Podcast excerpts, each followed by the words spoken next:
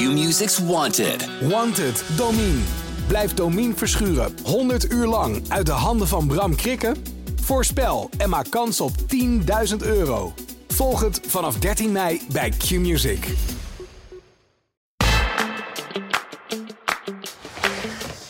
What do you think, Mike? It's risky as hell.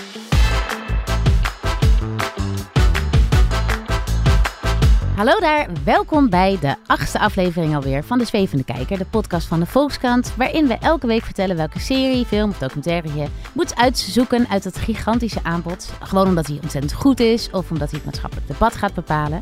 En vandaag, without further ado, uh, we hebben het er eigenlijk al een week over, duiken we in het uh, universum van The Upside Down en gaan we nog een keertje terug naar Hawkins. We gaan het dus hebben over Stranger Things, seizoen 4. A war is coming. I'm afraid your friends at Hawkins are very much in the eye of the storm. I don't have my powers. I don't know how to say this other than just to say it. Without you, we can't win this war. Stranger Things dus, seizoen 4. En dat gaan we vandaag bespreken met Mark Moorman, chef kunst. Hallo. Uh, met Chris Buur, uh, adjunct. Hallo. Uh, en onze speciale gast vandaag is George van Hal, onze wetenschapsjournalist. En die weet alles over wetenschappers als schurken, zowel in het echt als in films en series. Hallo George. Hoi. Hoi. Um, nou goed, Stranger Things. Um, we hebben allemaal uh, de eerste negen uur gekeken. Als ik het goed heb, Mark. Zo lang duurt het toch ongeveer, deze zeven afleveringen bij elkaar? Ja, het, was, het, het waren behoorlijk lange afleveringen. En er komen er nog twee. Hè? De laatste twee die komen op 1 juli en die duren bij elkaar vier uur. Want de laatste aflevering duurt 2,5 uur. 2,5 uur, ja. Het is ja. niet yes. te de doen. langste aflevering van een tv-serie ooit. Ja, want ik wil net zeggen, mensen... hebben we dit ooit meegemaakt? Nee. En hebben we ooit meegemaakt dat er ja, gewoon zoveel tijd, geld, uh, energie is gestopt in één serie? Nou, ik, ik, dat uh, vraag ik me af. De, de, van tevoren werd bekendgemaakt of lekte uit dat het gemiddeld per aflevering 30 miljoen kost. Hè? Dat is ongeveer wat Nederland in een jaar aan speelfilms uitgeeft. Uh, heb ik wel eens uitgerekend. En van tevoren dacht je, wat, waar gaat dat geld heen? Maar als je eenmaal de serie hebt gezien, wat toch bestaat uit uh, een aantal lange speelfilms achter elkaar bijna, met kosten nog moeite en figuranten gespaard, dan je ziet het er wel aan af, zeg maar. Want, want waar zie je dat dan aan? Met het getrainde oog dat jij hebt, waar, waar, waar gaan die 30 miljoen dan in zitten, zeg maar? Nou, ik denk dat bijvoorbeeld uh, de, act de, acteurs die natuurlijk in, in 2016 bij die eerste serie, de jonge acteurs waren uh, onbekende tienersterren en zijn nu gewoon grote sterren. Ja. Dus ik denk dat een deel uh, daarin gaat zitten. In het salaris dat deze inmiddels jongvolwassenen krijgen. En verder, ja, qua sets en locaties. er speelt een hele verhaallijn in uh, Siberië. Dat is in Litouwen opgenomen allemaal. Dus nou ja, noem maar op. Dat is, het is een optelsom van dat soort dingen. En dan kom je op een gegeven moment bij 30 miljoen kennelijk. Ja. Hey, en het zijn nogal wat hoofdpersonen. Ik noem een Eleven, Will, Dustin, Mike, Lucas, Max, Steve, Robin, Erica, Nancy, Jonathan ben ik er nog een paar vergeten. Allemaal jonge mensen um, uh, op, op verschillende locaties ook. Want een deel van de mensen die we volgen is naar Californië verhuisd. En een ander deel is achtergebleven in Indiana Hawkins. En dan hebben we ook nog moeder Joyce en, en Hopper, die nou ja, uh, uh, zichzelf terugvindt in, uh, in een soort gulag-achtige omgeving in Rusland. Dat zijn ontzettend veel mensen om te volgen en ook heel veel verhaallijnen. kon jij het nog bijhouden? Ja, maar ik, ik kijk er vrij relaxed naar. Ik, ik, ik heb nooit zo de neiging om, als ik iets niet helemaal kan volgen of een verwijzing mis, om dat dan helemaal te gaan uitzoeken. Het gaat toch meer om de soort de flow waarin je zit. En, en die is uiteindelijk best uh, aangenaam, heel Netflix-achtig. Weet je? Ja. je zit onderuit en je laat het, uh, laat het allemaal over je heen uh, komen. Had jij dat ook, Chris? Ja, behalve dan de eerste aflevering, dat het dan net is alsof je net je gehoorapparaat hebt ingezet en alles keihard op je afkomt Want dan, dan is er een finale van een basketbalwedstrijd en dan zijn er ook meteen 300 cheerleaders en 1500 man in het publiek, waar allemaal met rijders overheen. En wam, je gaat weer naar de volgende scène. En dat is sowieso wel een beetje van deze reeks, dat, dat alles, elke, elke deur, elke kofferbak die dicht wordt geslagen, is een woem, wam. En dan ga je weer naar wam, de volgende scène. Dus het is uh, wel even iets waar je op in moet stellen. Ja. Uh, maar gewoon weer volhouden en dan zit je inderdaad in de flow. Ja, en in welke flow zit je dan? Want vooral het eerste seizoen, uh, dat deed mij heel erg denken aan, nou ja, boeken en films ook van uh, Stephen King. Um, dat ging heel erg over vriendschap en over met z'n allen samen tegen uh, het grote kwaad. Dat had ook iets gezelligs, vond ik.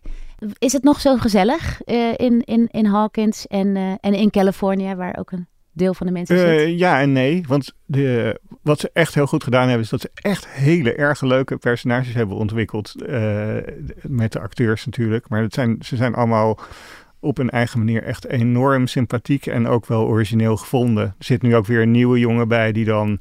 Uh, de, de beste vriend is van de nerds en die een beetje het hoofd is van de Dungeons and Dragons groep. Waar, een soort Robert Downey Jr. Ja, een beetje Eddie, wel. Eddie. Ja. En, die is er, en dat is een heel, ja, heel, dat is echt zo'n metalhead die van Iron Maiden uit, uit de jaren tachtig, zoals ze bestaan. En een beetje nerdy, maar ook wel stoer en wel gevat en snel, maar ook weer niet dapper. Kortom, het is, het is ook weer zo'n heel goed, rond, leuk personage waar je echt van kan houden. Tegelijkertijd ben je wel wat meer op een afstand dan de, bij de eerste reeks. Maar waar, daar werd je op allerlei manieren veel meer ingezogen. Omdat het wat psychologischer was, wat meer unsettling. Dus je had veel meer het idee van waar gaat dit heen en wat gebeurt hier allemaal. En in deze reeks is het eigenlijk vooral toch heel erg veel van gevecht naar gevecht naar gevecht. Ja. Met hele leuke, uh, sympathiek menselijk drama er doorheen. Dat, Zou je uh, kunnen zeggen, Mark, dat het een beetje van suspense naar, naar, naar slasher is gegaan? Ja, ik denk, ik denk dat wat, wat die makers, en op zich vind ik dat ze dat wel goed hebben opgelost. Uh, ze hebben natuurlijk nu uh, acteurs die zes jaar ouder zijn. En het zijn toch allemaal een beetje een soort, wat, wat ik al zei, zo rond de, rond de twintig. En ze hebben ook een beetje de, de thematiek wat opgeschaald en wat volwassener gemaakt. Dus we zitten, hè, als, de, als de horror van het eerste seizoen misschien nog het meeste aan Spielberg en Poltergeist-achtige dingen deed denken. Weet je wel, gezellige horror. Ja.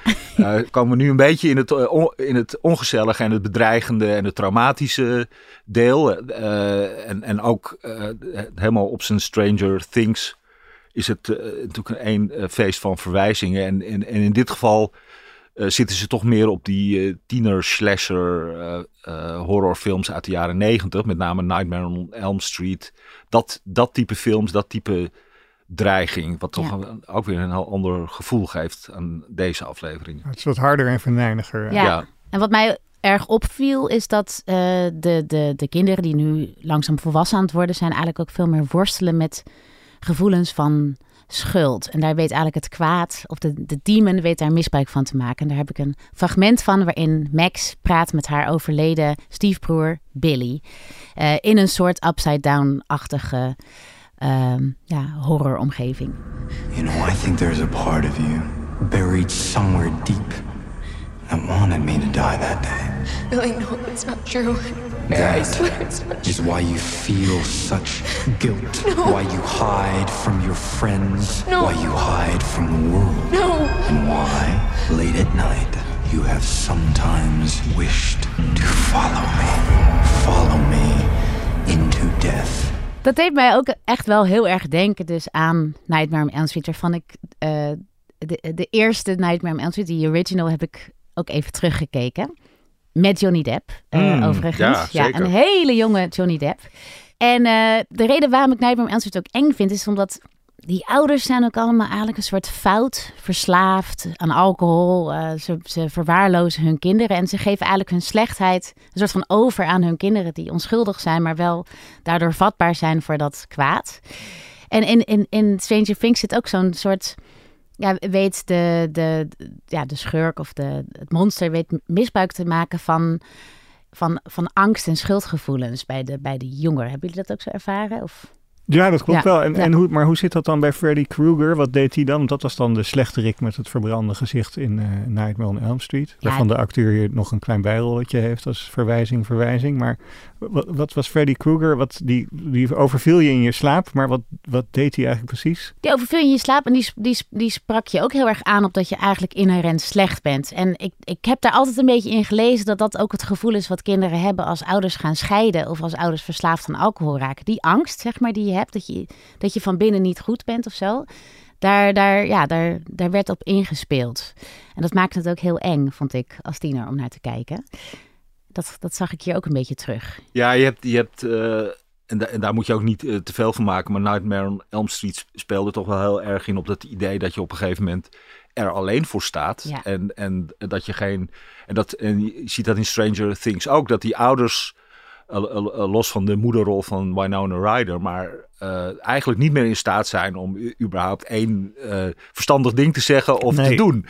Eh, dus het is al heel Die ouders duidelijk. van- lezen de krant terwijl die kinderen eh, Ja. elkaar proberen te redden van de dood. Dat Ja. is eigenlijk Ja. wat er gebeurt. Ja, toch? die ouders zijn Ja. gewoon een soort huishoudelijk decor geworden, Ja. maar, maar kunnen gewoon niets meer betekenen Nou, in het leven. ook echt actief stom, inderdaad. Ja, want ze ja. zijn echt do- dom. En dat is wel heel leuk, goed gekozen van dit puber, nu puber en voorheen kinderperspectief. Dat je inderdaad naar je ouders kijkt, als die begrijpen niks. Die zijn stom, die zijn bedorven, die gaan mij bederven. Die zijn, zijn gewoon allround niet oké. En ze zijn ook allemaal, ze acteren een stuk hysterischer, eigenlijk allemaal, dan de kinderen die eigenlijk toonbeelden van nuance en, eh, en kalmte en rust zijn heel vaak. Ja. Terwijl die ouders rondlopen als de ouders in Cow and Chicken, die gewoon de hele tijd maar een permanente staat van, van, eh, van opwinding en hysterie zijn. En dat het is een heel leuk perspectief. totaal niet de moeite om ook maar iets aan ze uit te leggen. Het heeft Helemaal helemaal, geen Ze zin. begrijpen Ja, niks. ja. Nee, nee. Hey, en eh, eh, ik denk ook dat eh, Stranger Things een soort van verwijzing is naar, naar andere high school films waarin eigenlijk uitsluiten en, en pesten ook heel centraal staat.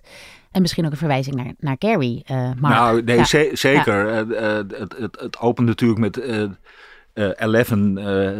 die probeert een soort normaal high school leven te hebben. En, en al snel eh, gepest wordt door allerlei van die verschrikkelijke mean girls die we kennen uit 100 miljoen films.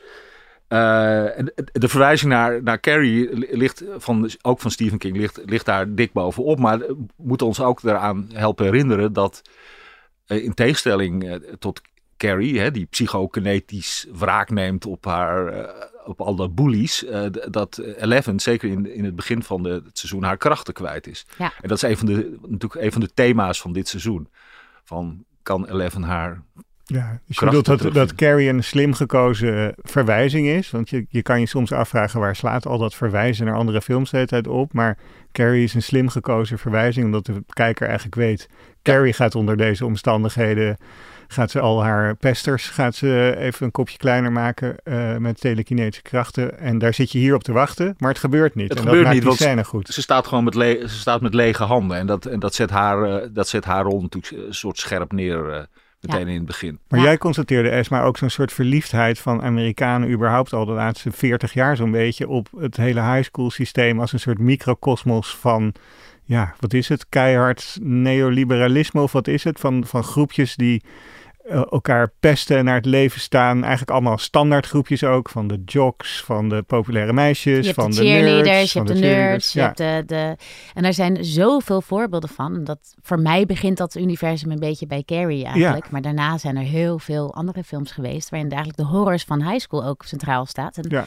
ja, dat fascineert me wel. Omdat ik denk van, wat voor een verhaal wordt hier verteld? Ik kan me wel voorstellen dat Amerikaanse high schools, omdat ze zo competitief zijn en zo Ja. bureaucratisch, ik maak hier aanhalingstekens, maar dat je dus eh de hele tijd moet excelleren en het beste uit jezelf moet halen op die school, dat dat ook misschien een soort mens, ja, kinderen tegenover elkaar stelt Ja. of zo. Maar misschien gaat het ook wel over de inherent gewelddadige samenleving die Amerika is. Ja, dat- Ehm, ja, voor mij mag je het zeggen. oké. Het is, het is Ja. gezegd. het is gezegd. ja. Shots fired. Hey, eh, terug naar, eh, naar Eleven of eh L. Eh, natuurlijk eh, een heel belangrijk personage in Stranger Things. Want zij is eigenlijk de enige die iedereen en alles kan redden. En jullie gaven het wel aan dat ze haar krachten kwijt is. Ehm, en die krachten die gaat ze weer terugwinnen. Maar daarvoor moet ze wel eerst eh, de samenwerking, wederom tussen aanhalingstekens, eh, aan met een, met, een, met een zekere wetenschapper. I know. You're frightened of me. Perhaps in our time apart, you may have even grown to hate me. But all I've ever wanted to do is to help you. And right now, I think you very much need my help. Your gifts have been stolen. I believe I know why. And I believe I know how to get them back. Let us work together again. You and I. Daughter. And Papa. Heel creepy. Nou, eh, George, kom er maar in als wetenschapsjournalist. Eh, want dit zegt ook heel veel over hoe in films wetenschappers worden neergezet. Eh, wie horen we Ja. hier trouwens? Ehm, ja, dit is eh, tenminste, eh, ik ga ervan uit ehm, dat we hier eh, papa horen, zoals hij zichzelf laat noemen door, eh, eh, door zijn eh, onderzoekssubjecten. Wat op zich natuurlijk al griezelig genoeg is, dat hij dat op die manier doet. Ehm, en ja, dit is een, een, een man die probeert om de ingebakken gaven van deze, van deze kinderen te ont, te ontsluiten. En eh, sterker nog, in het begin is hij een soort, ja, dat, daar kom je gaandeweg dit seizoen achter. Ik wil niet te veel spoilen, maar hij is een soort eugenetisch programma gestart om deze mensen eh, zover te krijgen dat ze die krachten ontwikkelen. Nou ja, kortom, heel ongezellig allemaal. en eh, dan denk je natuurlijk als, als persoon die, nou ja, ik in elk geval, ik hou wel van wetenschap. Ik vind dat een, een mooi bedrijf en ik vind dat dat goede kennis oplevert. En dan denk je wel, ja, die wetenschappers die zijn hier in Stranger Things niet bepaald de good guys. Weet je wel, die, die hebben het niet beter met ons voor. En helaas zijn daar natuurlijk wel echt verschrikkelijk veel voorbeelden van in de, in de echte wereld ook. Je zou bijna zeggen, wetenschappers zijn net mensen. Ze zijn eh, soms goed en eh, eh, helaas soms ook gewoon heel erg slecht. Ehm, van figuren als ze ehm, Mengelen. Hè, dat is dan het klassieke, beroemde en eh, heel erg ongezellige voorbeeld van de nazi-dokter die allerlei vreselijke experimenten heeft gedaan eh, tijdens de Holocaust op kinderen, op volwassenen, op tweelingen. Nou ja, echt, eh, je wordt er misselijk van als je het, als je het terugleest. Tot moderne varianten daarvan. Dat is in het echt, maar in de fictie komen ze natuurlijk ook om de haverklap voor. Want nog even over het echt. We hadden het er gisteren over datzelfde afschuwelijke horrorfilm niet kijken als je ook maar enigszins een zwakke maag hebt. The Human Centipede. Ook Nee. enigszins gebaseerd is op eh, werkelijke feiten, eh, George. Ja. Ja, ja er, er zijn eh, wetenschappers geweest. degene die mij dan meteen te binnen schiet is Vladimir Demikov. is een, een Rus die in de jaren 50 bijvoorbeeld een hond heeft gemaakt met twee hoofden.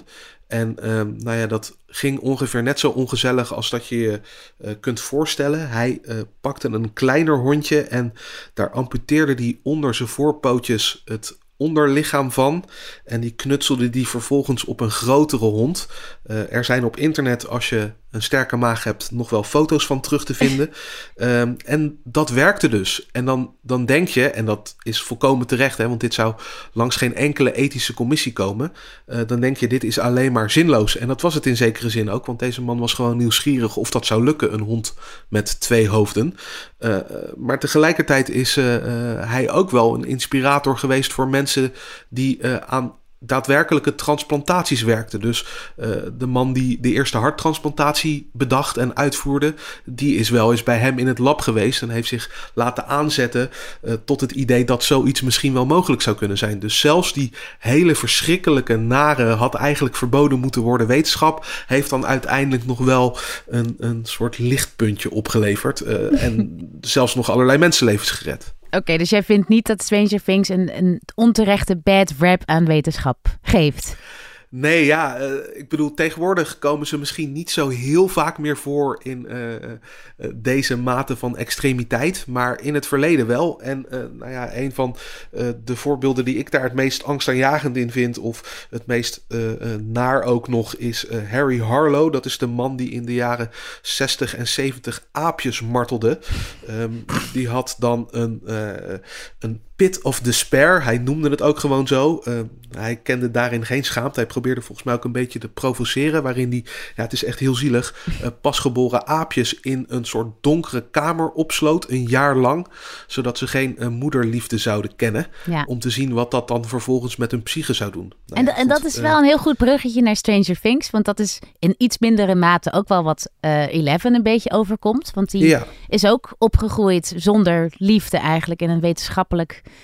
experiment, toch? Of hoe zou ik dat moeten beschrijven? Ja, ja ze proberen haar ehm, ja, aan de praat te krijgen.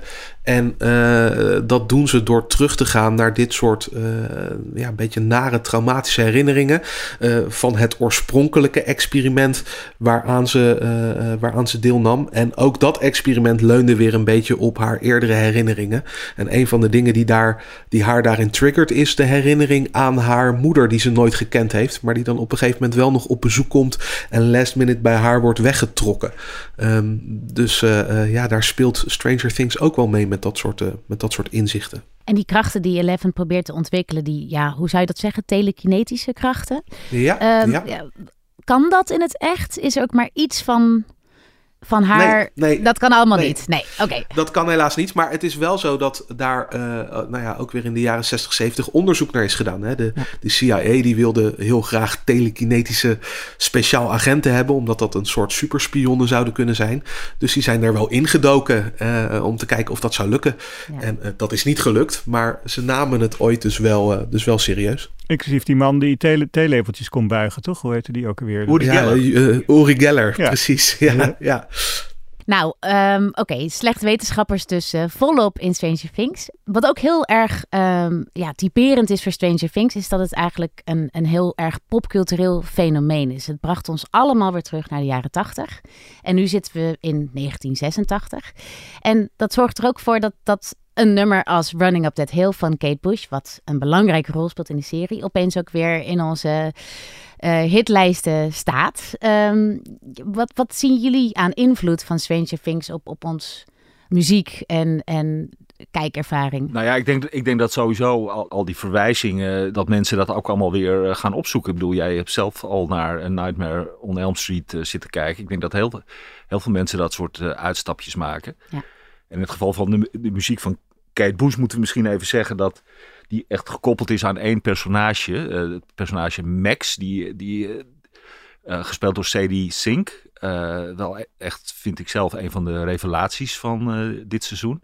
Inmiddels een twintigjarige actrice die, die met het trauma van haar dode broer worstelt. En, en om zich te beschermen tegen de dark side voortdurend ehm, op haar Walkman natuurlijk, want we zitten in de jaren tachtig. Het nummer Running Up That Hill telkens weer opzet.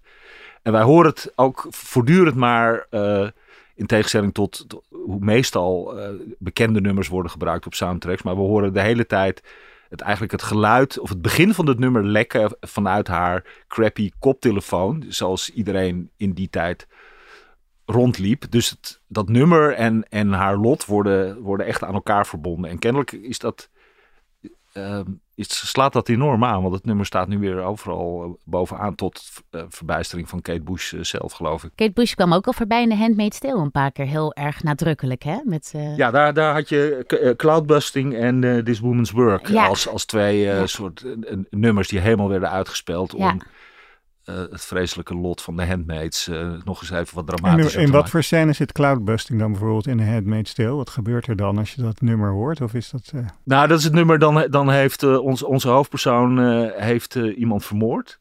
En dan ruimt ze de crime scene op. Dus het is eigenlijk een soort hele, het, het alledaagse werk van een vrouw, schoonmaakwerk. Um, maar dan met uh, bloedvlekken en uh, dingen. Maar je, het bijzondere van die scènes in, in Handmaid's Tale is dat je, dat je het hele nummer hoort. Dus het is, ja. het is bijna als een soort videoclip. Ja, en dan moet ik zeggen, Cloudbursting is een van de nummers die ik niet kan luisteren zonder uiteindelijk in snikken uit te barsten. Ja, dat heb ik ook, ja. Ik moet altijd huilen. Maar ik heb, ik heb wel huilen. echt ontdekt dat dat niks meer... Dat zit echt in de muziek. Dat is toch wonderlijk. Er is iets aan Kate ja. Bush, die kan een soort emotie oproepen. Uh, wat nou, ik ook bij This Woman's Worst trouwens vind. En the man was a child in eyes. Oh, nou, anyway. op. en dan heeft zij ook nog eens fantastische clipjes. Want Cloudbursting uh, met... Uh, Donald Sutherland. Donald Sutherland Zeker. is Ja. fantastisch. Nou dus ja. mensen thuis, daar moet je ook even weer naar kijken. En Running Up That Hill is een prachtige dans. Hè, een prachtige choreografie. Eh, dus dat eh, is ook nog even een tip van mij. Als Ja. je toch naar Stranger Things zit te kijken. Kate Bush Rules. Ja, absoluut. Hey, en Mark, je had het over de laatste twee afleveringen. Wanneer kwamen die ook weer uit? En wat zijn jouw verwachtingen daarvan? 1 juli.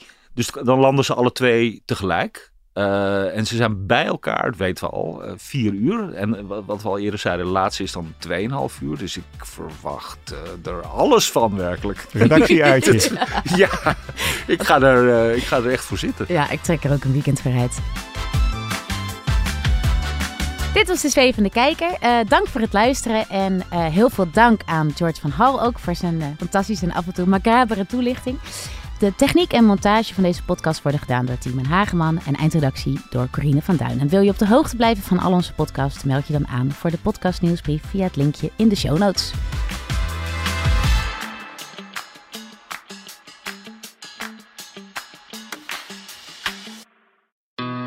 Q-Music's Wanted. Wanted, Domine. Blijf Domine verschuren 100 uur lang uit de handen van Bram Krikken? Voorspel en maak kans op 10.000 euro. Volg het vanaf 13 mei bij Q-Music.